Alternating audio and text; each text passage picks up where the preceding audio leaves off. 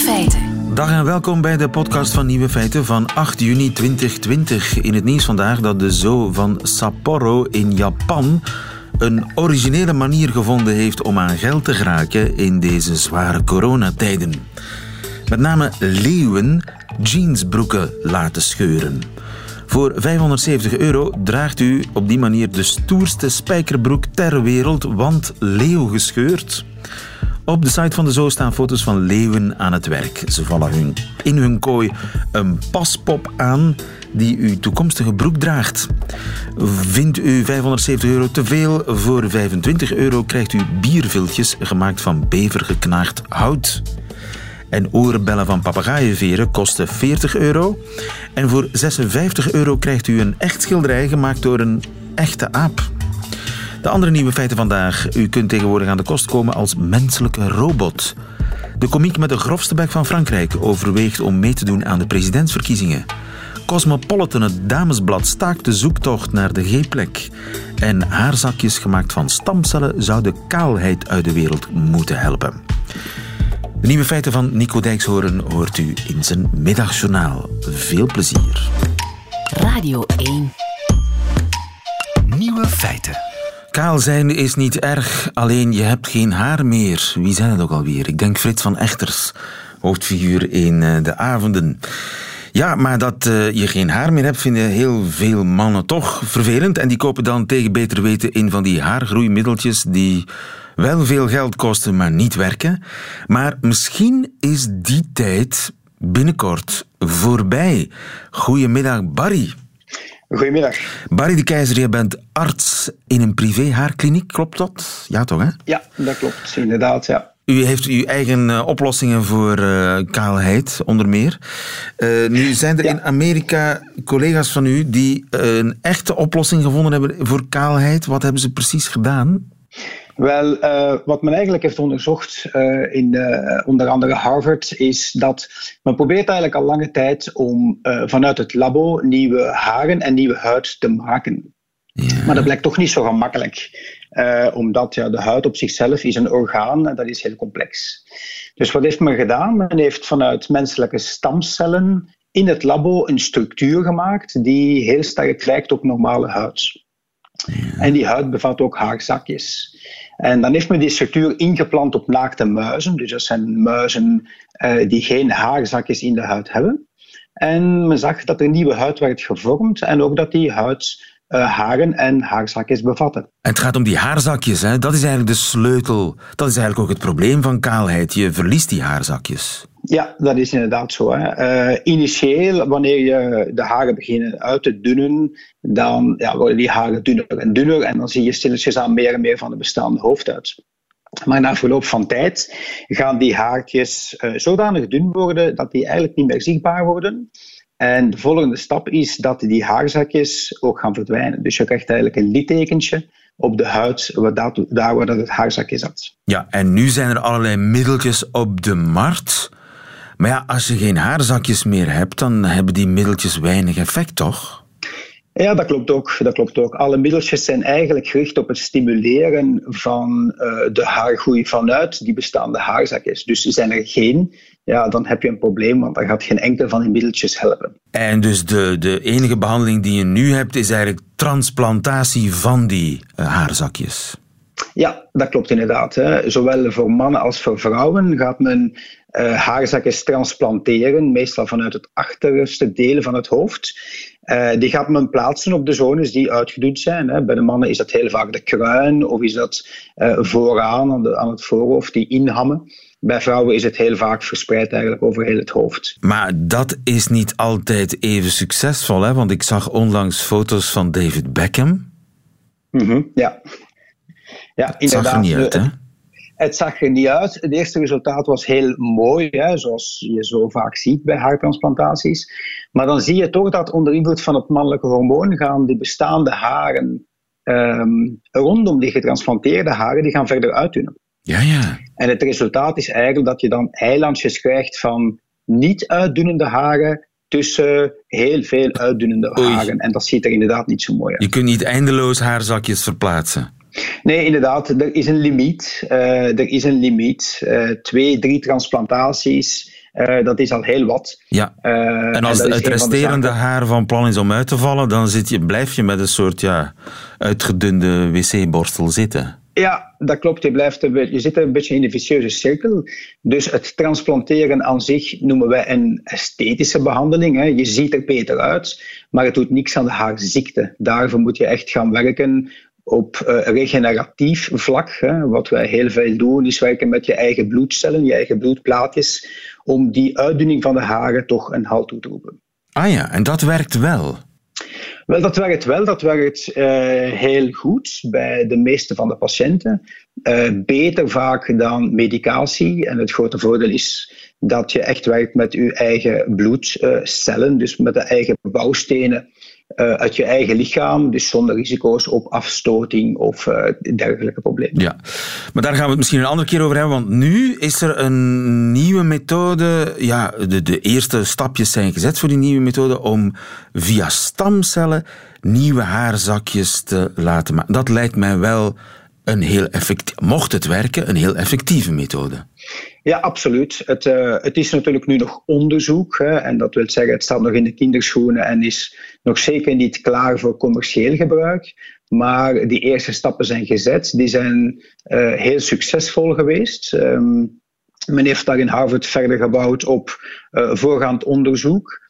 Uh, maar dit lijkt toch wel een, een, stap in de goede richting te zijn. Ja, heel duur klinkt het. Wel, alles wat er nieuw is, klinkt uh, duur en is waarschijnlijk ook heel erg duur. Um, het is wachten natuurlijk totdat zoiets één uh, echt effectief goed aanslaat bij testpersonen. En dan gaat men in volgende fases gaat men dan uh, uiteraard meer gaan commercialiseren. En eens zoiets mogelijk is voor de, de grotere massa, zeg maar, ja, dan zien we heel vaak dat de prijzen ook gaan dalen. Ja, ja, de prijzen zullen misschien wel dalen, maar misschien dat die haarzakjes, precies zoals hun uh, natuurlijke collega's, zeg maar, ook het opgeven. Zou dat kunnen? Ja, in de, ja, inderdaad, wel die, dat risico bestaat wel. Uh, want die invloed van testosterone die blijft natuurlijk doorgaan. Um, en die uh, omgevende haren die blijven uitdunnen. En het is ook niet gezegd dat die nieuwe haren die groeien vanuit dat orgaantje, zeg maar, dat is getransplanteerd, dat die ongevoelig zijn voor testosterone. Ja, dat, uh, dat is nog een risicofactor. Dat, uh, dat valt nog uh, af te wachten. Maar goed, men zoekt verder naar de wonderoplossing tegen kaalheid. Dankjewel, Barry. Goedemiddag, Barry de Keizer. Heel graag gedaan. Goedemiddag.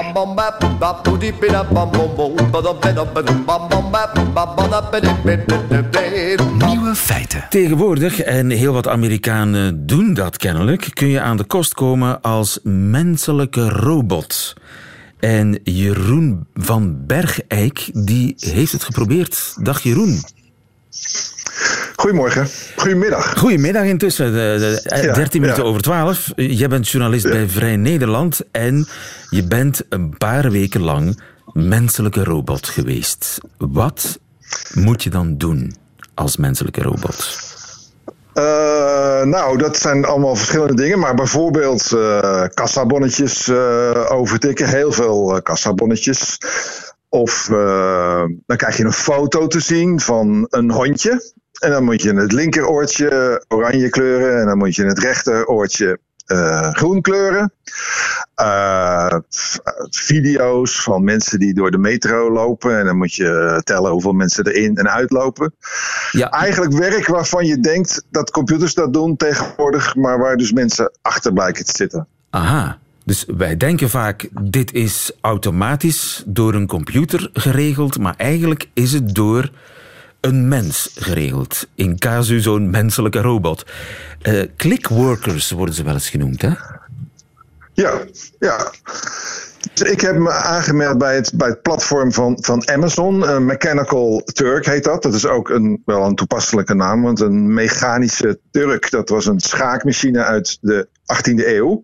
Ja. Uh, die zag eruit als een, uh, als een Turk. Maar dat, uh, en die was dus heel goed in het schaken, die machine. Maar wat bleek nou? Uh, die werd wel, uit, werd wel voorgedaan alsof het een machine was. Maar eigenlijk zat er een mens in.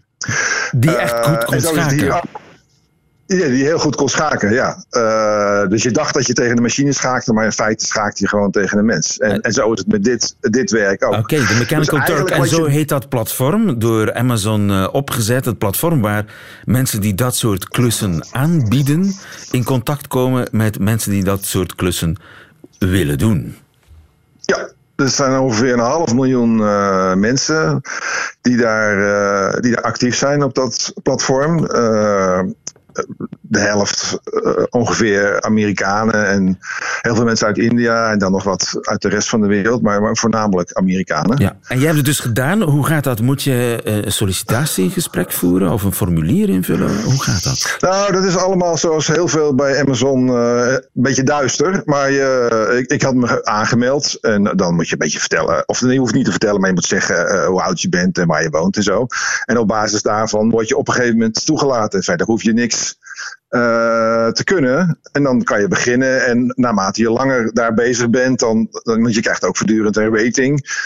Uh, dus als je rating omhoog gaat, dan, dan krijg je iets interessantere klussen aangeboden. Maar over het algemeen is het extreem maar dan ook echt extreem slecht betaald. En dat was wat mij eh, fascineerde eigenlijk. Wat is slecht dus betaald? Klus, nou, 1 of 2 cent voor zo'n klusje. Uh, en dus als je flink over... doorklust, hoeveel kun je dan per uur verdienen?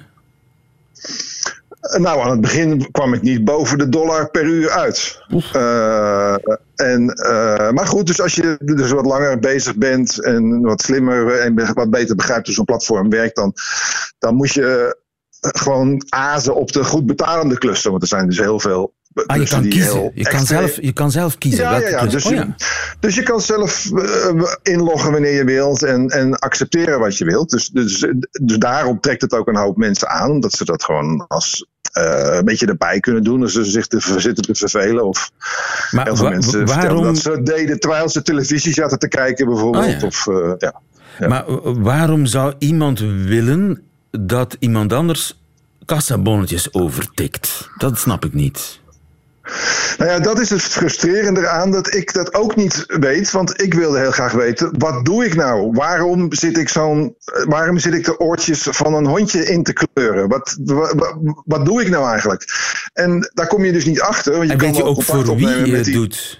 Nee, Nee, dat weet je ook niet. Dus okay. je, je, neemt, je kan wel contact via, via, dus via dat systeem opnemen met die op maar, ik, ik heb daar nooit een reactie uh, op gekregen. Dus je kan wel een beetje uh, denken natuurlijk wat je aan het doen bent. Want het is het heel veel, uh, in het geval van die kassabonnetjes, zal er wel een soort van administratie, boekhoudachtig pakket achter zitten. Ja, die, die wil zo'n bonnetje in een Excel-bestand krijgen. En ja, denkt dat dat via een of andere app automatisch gebeurt. Maar in werkelijkheid zit er iemand ergens in Neder-Overheenbeek dat allemaal over te tikken. Ja, ja, precies. Ja. Of het trainen van algoritme. Dus uh, er zijn ook heel uh, foto, seksueel getinte foto's. Die je dan, uh, waar je echt bizarre dingen moet doen. Zoals aan, met je muis aangeven waar dan de tepels zich bevinden. En waar de anus zich bevindt. En, de, en, en, en wat, welk deel van het plaatje dan seksueel getint is. En, en wat niet en zo. Dus, dus dat zal wel iets met voor hetzelfde voor geld. Facebook misschien ja. of zo. Maar ja, goed, ik weet het dus niet. Want ja, je komt er niet achter. Het kan voor een geheime dienst zijn. Het kan, het kan voor de KGB zijn, mocht die nog bestaan. Of, of voor uh, de Stasi, of voor een of andere hele, enge organisatie. Een hele rare, een hele rare opdracht. Dat was, kreeg ik foto's van uh, mobiele luchtafweerinstallaties. Uh, dat zijn, zullen maar zeggen, van die bazooka-achtige apparaten die je uit films kent, weet je wel, waar terroristen de vliegtuigen mee uit de lucht schieten. Ja.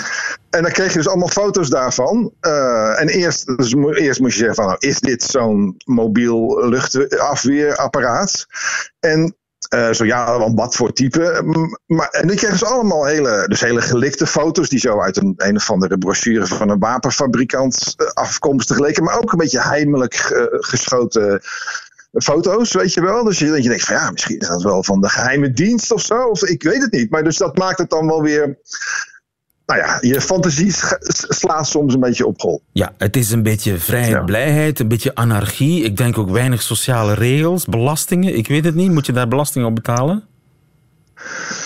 Uh, nou, ik, ik, kijk, ik ben zelfstandige, dus ik word wel geacht over de inkomsten die ik uh, maak, daar belasting over te betalen. Maar goed, dat is helemaal aan mij natuurlijk. Ja. Uh, verder is, het een, ja, is er natuurlijk geen enkele regel over een soort van betaling. Of, dus, dus het is een, een race to the bottom. Het is ja. zo slecht, sommigen worden zo slecht betaald. En Amazon die die, ja, die bemoeit zich daar verder niet mee. Van nou ja, als er mensen zijn die dat voor dat weinig geld willen werken, dan vinden zij het prima. Zij zeggen, we zijn een platform, we brengen uh, vraag en aanbod bij elkaar en voor de rest uh, bemoeien we ons niet mee. Er zitten, gebeuren ook wel echt wat dingen waarvan ik me ongemakkelijk uh, bij voelde. Zoals?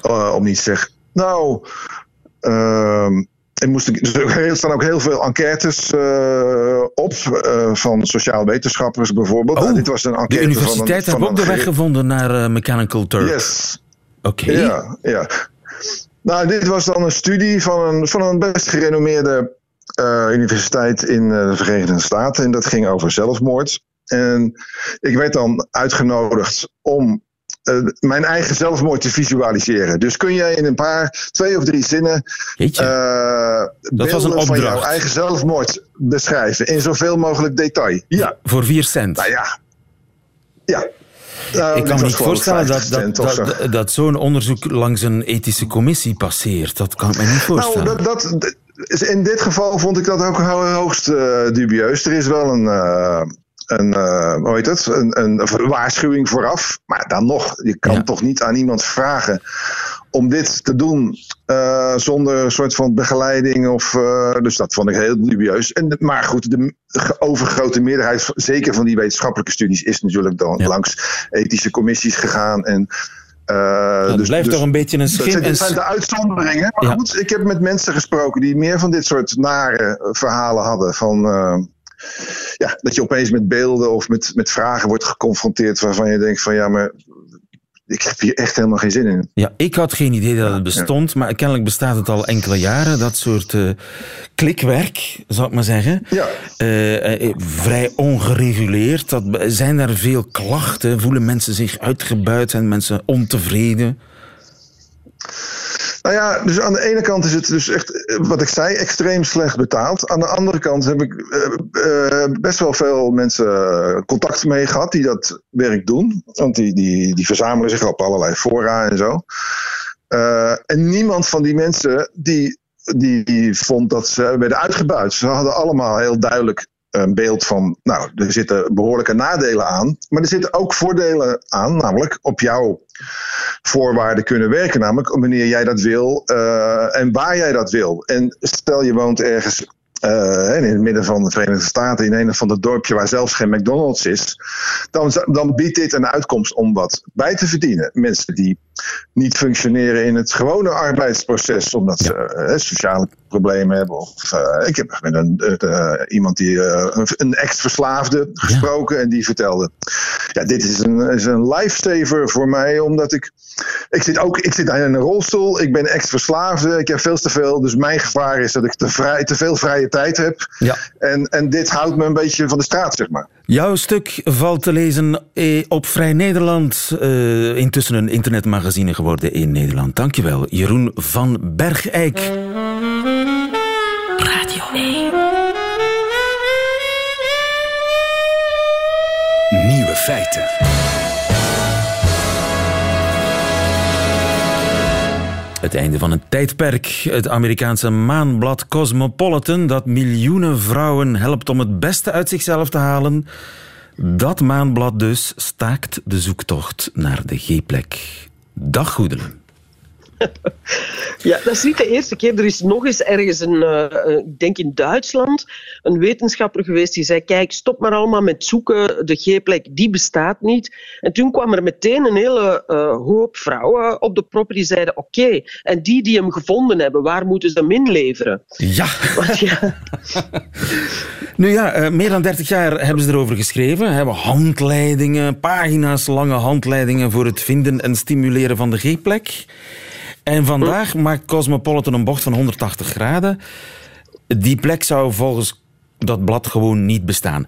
Wat is het nu? Ja.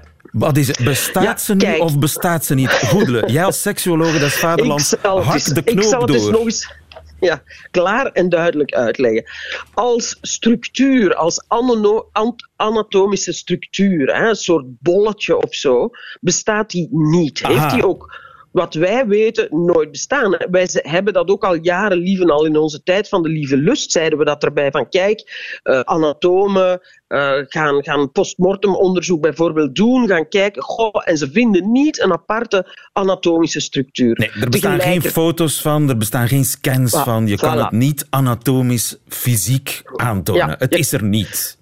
Je kan niet zeggen, we doen nu de G-plek wegsnijden, bijvoorbeeld. Want, want je kan dat zo niet vinden. Wat wel is, is dat duizenden, zo niet miljoenen vrouwen heel duidelijk zeggen van kijk, maar ik heb daarbinnen wel degelijk een heel gevoelige plek. Oké, En dus ze bestaat niet, maar som- de vrouw voelt ze wel.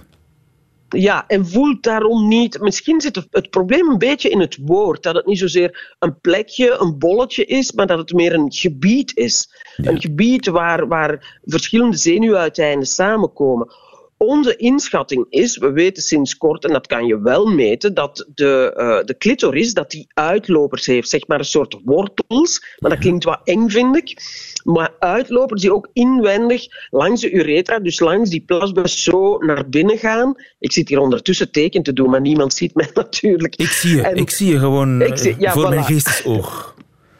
En die zijn tot 9 centimeter lang. En die zwellen op bij opwinding. En die geven natuurlijk een, een goed gevoel. En als je dan hoort als vrouwen gaan omschrijven waar ze dat goede gevoel hebben, dan is dat inwendig aan het plafond, zeg maar. Van de vagina, net achter dat bochtje. En dat bochtje, dat is het schaambeen. Dus daardoor kan je heel moeilijk zenuwuiteinden voelen. Dus net achter dat bochtje komen die uitlopers weer aan de oppervlakte, zeg maar. Zitten die heel dicht tegen die huid. En kan je bij opwinding voelen dat die wat gaan, gaan eh, opzwellen. En geven die dus ook een, een goed gevoel.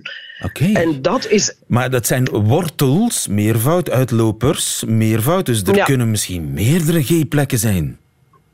Ja, het gebied is groter, maar het is wel heel duidelijk dat die, dat die uitlopers, die twee bovenste uitlopers, die elk langs die uretra ook zo lopen, dat die daar in dat gebied dicht aan de oppervlakte Ja. komen. Dicht, eh, dicht onder de huid zitten. Dus als je dat gaat stimuleren, dan ben je eigenlijk onrechtstreeks voor een stuk de clitoris aan het stimuleren. Juist, ja. Dus, Dus en de die gaat dan G-plek ook is eigenlijk een soort vermomde clitoris. zou, zou kunnen zijn. Zou dat kunnen. is onze, ons idee nu. Dat, dat dat de reden is. Want dat is hetgene waar het om gaat. Hè. Het gaat hier niet over anatomie. Het gaat hier over seksueel plezier. En het enige wat belangrijk is. Hè, want er was een tijd waar iedereen zei: nee, de clitoris, dat moet je zijn. Iedereen hup naar die clitoris. En ze vergaten volkomen dat er ook inwendig een, een goed gevoel kon ontstaan. En dat dat ook kon bijdragen tot een vrouwelijk orgasme. En toen hebben ze die G-spot. En inderdaad, door dat woord zou je denken: goh, ik voel hier zo'n bolletje. Sommige Ja. vrouwen voelen wel een, een andere structuur hoor. Ja. Maar, maar dus het belangrijkste is dat we weten, ook inwendig, daar net achter dat bochtje, en als je daar verder en dieper gaat zoeken, zitten er nog meerdere leuke, lekkere plekjes. Ja. Daar gaat het om. Wat de, de angst van veel mensen is, zeker als je dan in die heel feministische kringen gaat kijken, dat ze zeggen, ja, maar we moeten die G-spot afschaffen, want anders is het allemaal weer penetratie waar het over gaat. Maar ja, de meeste penissen maken niet zo'n bochtje naar boven. Hè. Dus, dus het is juist bij alle andere eh, seksuele technieken dat eh, vrouwen, met name trouwens bij, bij de zelfliefde, dat vrouwen daar heel vaak een, een aangenaam plekje vinden. Ja, nu, eh, het is een bron van plezier, eh, maar voor velen is het een bron van frustratie. Hè? Want Cosmopolitan heeft onderzoek gedaan, bijna de helft van de vrouwen vindt ze niet, de G-plek. En één op de tien zou zelfs daarom seks vermijden. Dus daar is wel heel veel ja, frustratie en schaamte misschien zelfs bij vrouwen die maar zoeken en zoeken en niks voelen. Ja, dat hangt er inderdaad vanaf. Als je gaat zeggen van kijk, je moet hier een soort bolletje voelen, dat je dan gefrustreerd bent en dat je niks vindt. Nu, dat één op de tien zegt van kijk, daardoor ga ik niet aan de seks. Dat zal waarschijnlijk te maken hebben met het, het feit dat, en dat weten we ook, dat penetratie niet de meest succesvolle manier is om vrouwen tot een orgasme te brengen. En, dat daar de frustratie in zit. En dat inderdaad de foutieve interpretatie van ja, maar ja, als ik maar lang genoeg en stevig genoeg uh, de grote ontstoppingswerken uitvoer, zoals ik het uh, graag oneerbiedig zeg, uh, dan, dan kan ik die, die G-spot ook wel bereiken en dan moet ze hier maar klaarkomen. Dus eigenlijk gaat dat meer over de, de prestatie, de prestatiegerichte seks. Zo van, het moeten hier tot een orgasme leiden. En dat je daarop afknapt, ja, dat kan ik mij heel goed voorstellen. Nog steeds zien we dat te weinig als een soort lieve... Hoe zeiden wij dat vroeger altijd? De reis is belangrijker dan de aankomst. Geniet van die reis en dan is die aankomst misschien wel leuk, maar misschien ook niet. Uh, misschien stop je ergens halverwege en heb je het daar ook leuk gehad. Ja. Zie je? Dus, dus het is meer die, die prestatie angst die, die tot frustratie leidt, dan puur het idee van, goh, ik vind hier nu die G-plek niet. Ja. ja. Eh, als je ze niet vindt, er zijn nog veel andere plekken natuurlijk. Hè. Maar, plekje zat daar binnen. Je weet niet wat je daar allemaal tegenkomt. Goed, Liekes, dankjewel voor deze zeer heldere uitleg over het al dan niet bestaan van de G-plek. Goedemiddag. Goedemiddag. Nieuwe feiten. Coucou de France met Alex Visorek. Ja, grijs en regenachtig bij ons. Ik ben benieuwd of dat in eh, Parijs ook zo is. Uh, een beetje minder. Een beetje minder. Je ziet de zon, ja. Je ziet de zon en er is ook heel wat aan de hand. Heel wat uh, ja, spannend ja, in Frankrijk. Ja, de vraag is, krijgt Frankrijk binnenkort een comedian als president? Uh, het is nog wat te vroeg om uh, al grote uitspraken te doen, maar de kans bestaat wel. De Fransen zijn al lang op zoek naar een president die echt naar hen luistert en die hen begrijpt. En met de coronacrisis zijn er enkele nieuwe namen opgedoken. Uh, bijvoorbeeld professor Raoult, we hebben erover gesproken enkele weken geleden, de viroloog, uh, die als enige heel sterk in hydroxychloroquine gelooft. Hij is ook populair, heel populair. Er zijn zelfs Fransen die zijn gezicht op hun arm hebben laten tatoeëren. En hij heeft ook veel zelfvertrouwen. Deze week durfde een journalist hem te vergelijken met zijn tegenstanders. Dat vond hij niet leuk. C'est comme si vous compariez Mbappé à, à gardien de, de, but de troisième division. Au bout d'un moment, vous savez que Mbappé est pas pareil, mais que vous sachiez pas que moi je suis pas pareil. Vous êtes le Mbappé de la médecine, de la oh. recherche. Ça va faire plaisir oh, aux Parisiens. En France, oui, oui. Ja, ja, hij is de Mbappé van de wetenschappers. Dat zegt hij, ja. En velen zien in hem een goede kandidaat voor de presidentieel van 2022, ehm, die de stem van het volk zou laten horen. Maar hij is niet de enige. Het is ook het geval van Jean-Marie Bigard, een comedian. Uh, die is iemand die geen blad voor de mond neemt. En in deze coronatijden heeft hij heel wat posts geplaatst op Instagram, waarin hij hard.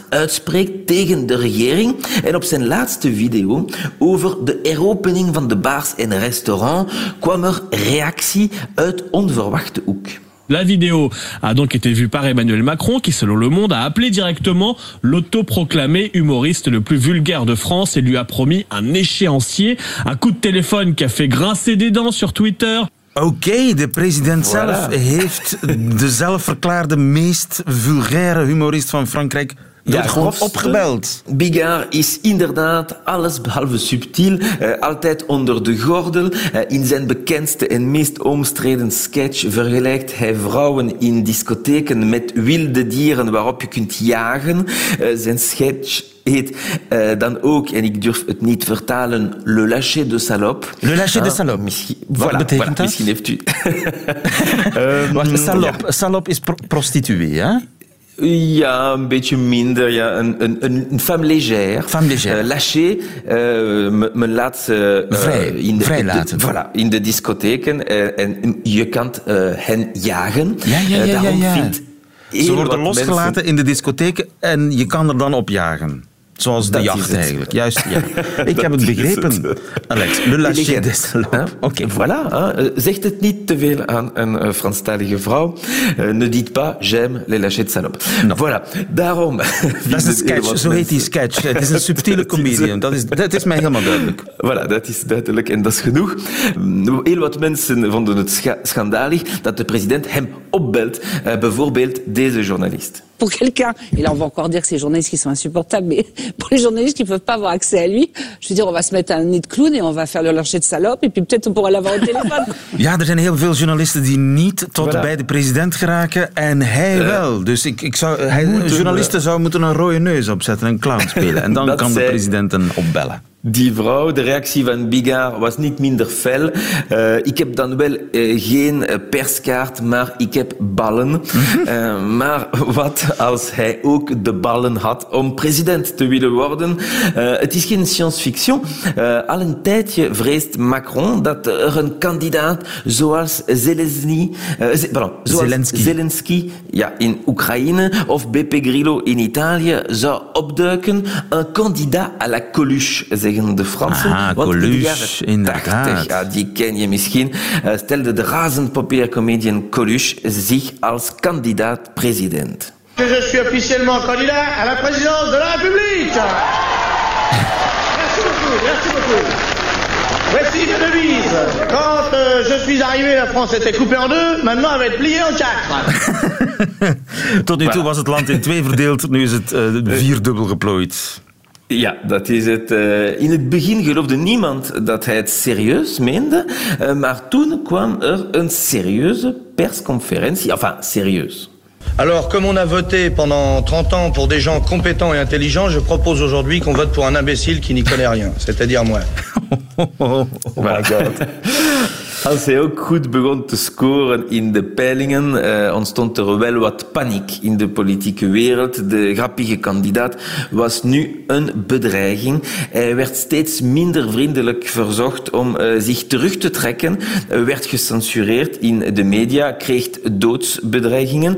De Franse geheime dienst kregen zelf de opdracht om compromitterende informatie te vinden over hem. Maar pas een paar weken voor de verkiezingen Je préfère que ma candidature s'arrête parce qu'elle commence à me gonfler. Ce que je voudrais dire à ce sujet, c'est que tant que ça m'a fait rire, c'était très bien. À partir du moment où ça m'a pu faire rire, euh, évidemment, ça se gratte un peu, quoi. Ça se gâte un eh, peu, quoi. Voilà. een van de meest bekende uitspraken van Coluche was: eh, Ik zal met de politiek stoppen als de politici stoppen ons te laten lachen. Een quote die Jean-Marie Bigard vorige week op sociale media deelde.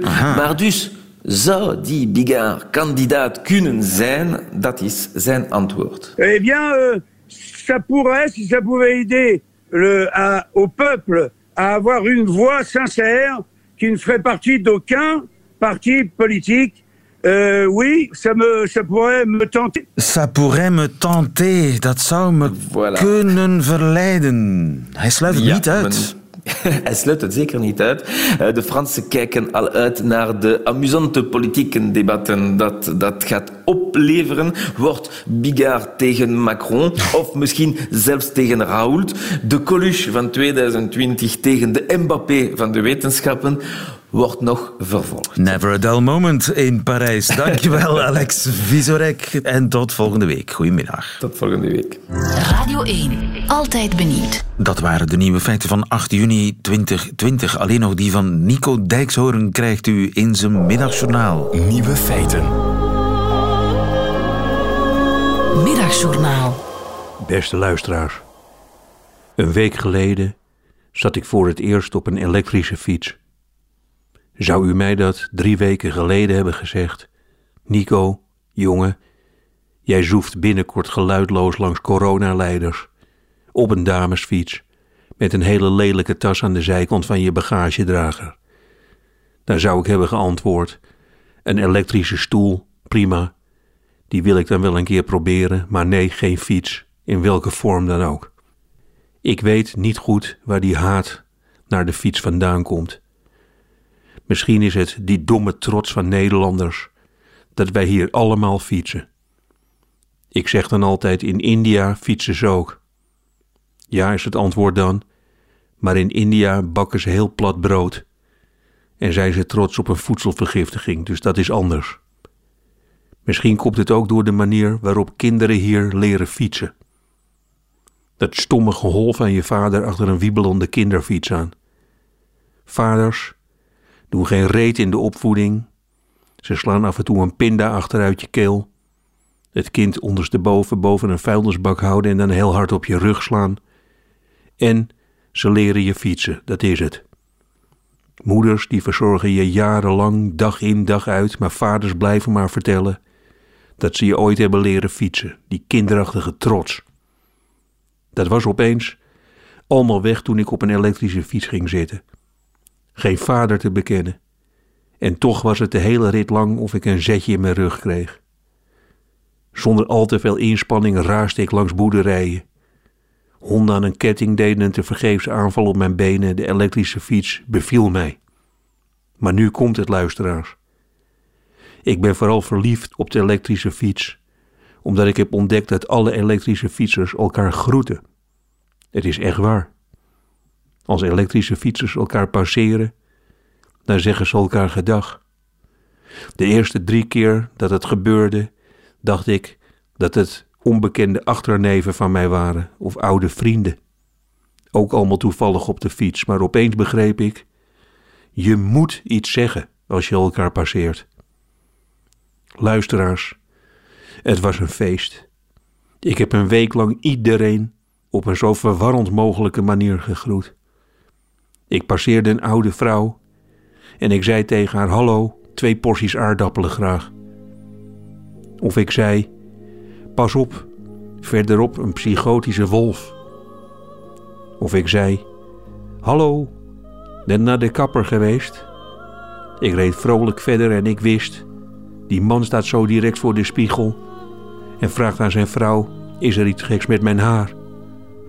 Het fijne was ook: er volgde geen gesprek. Ik hoefde mij niet in die mensen te verdiepen. Ik zei iets en daarna dachten zij een hele dag lang: waarom zei die fietsende man dat ik sprekend op een huilende hond lijk?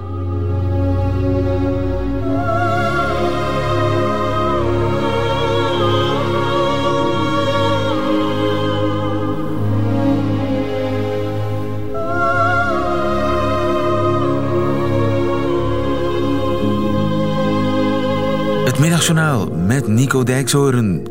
Einde van deze podcast hoort u liever de volledige uitzending van Nieuwe Feiten. Dat wil zeggen met de muziek erbij. Dat kan natuurlijk ook via onze site of via onze app. Tot een volgende keer.